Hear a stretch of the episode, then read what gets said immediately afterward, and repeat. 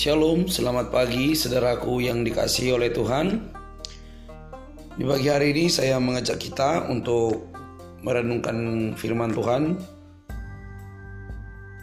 dan semoga kita diberkati dari 2 Korintus 5 ayatnya yang ke-21.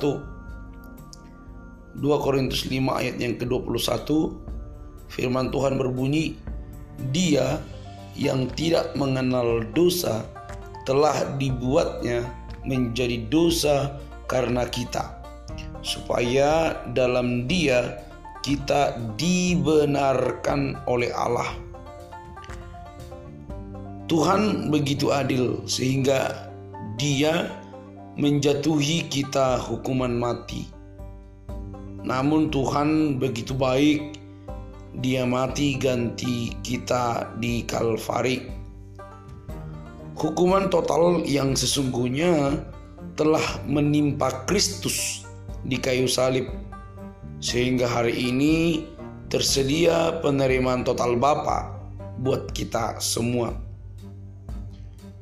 Pagi hari ini saya mengajak kita untuk memikirkan tentang dosa kesombongan. Apakah dosa ini serius dan seberapa seriuskah dosa ini?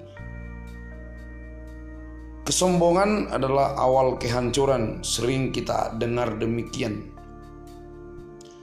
Ada yang berkata bahwa orang yang sombong adalah orang yang tidak bertuhan, dia merasa mampu dan benar sehingga tidak perlu mengandalkan Tuhan ataupun memohon apa pun dari Tuhan.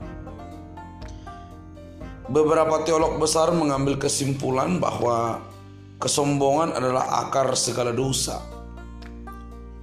Orang sombong tidak merasa perlu dikoreksi karena hati yang sombong menolak pertobatan, apalagi meminta pengampunan. Di dalam Amos 6 ayat 8, Tuhan Allah telah bersumpah demi dirinya. Demikianlah firman Tuhan Allah semesta alam. Aku ini keji kepada kecongkakan Yakub dan benci kepada purinya. Aku akan menyerahkan kota serta isinya Inilah kesombongan bangsa Israel yang membawa kehancuran secara total. Allah berbicara dengan sangat keras akan komitmennya untuk menjatuhi hukuman yang seberat-beratnya. Kesombongan bangsa Israel yang sudah parah dijawab dengan hukuman Tuhan yang parah total. Tuhan bersumpah demi dirinya sendiri kata dirinya secara harafiah adalah leher, nafas, atau kehidupan. Tuhan seakan-akan sedang mempertaruhkan nyawanya sendiri untuk menggenapi hukuman yang akan datang.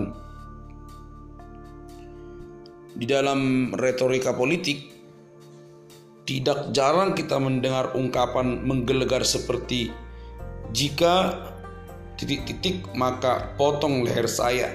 Seringkali kita mendengar itu. Ungkapan seperti ini dimaksudkan untuk menunjukkan keseriusan dan totalitas komitmen. Begitu pula lah Tuhan di sini. Dia tidak main-main dengan hukuman yang segera datang. Penghakiman Tuhan bukanlah ancaman kosong, namun pasti dilaksanakan. Jangan anggap remeh dosa kesombongan. Tuhan serius memandangnya. Mari kita koreksi diri.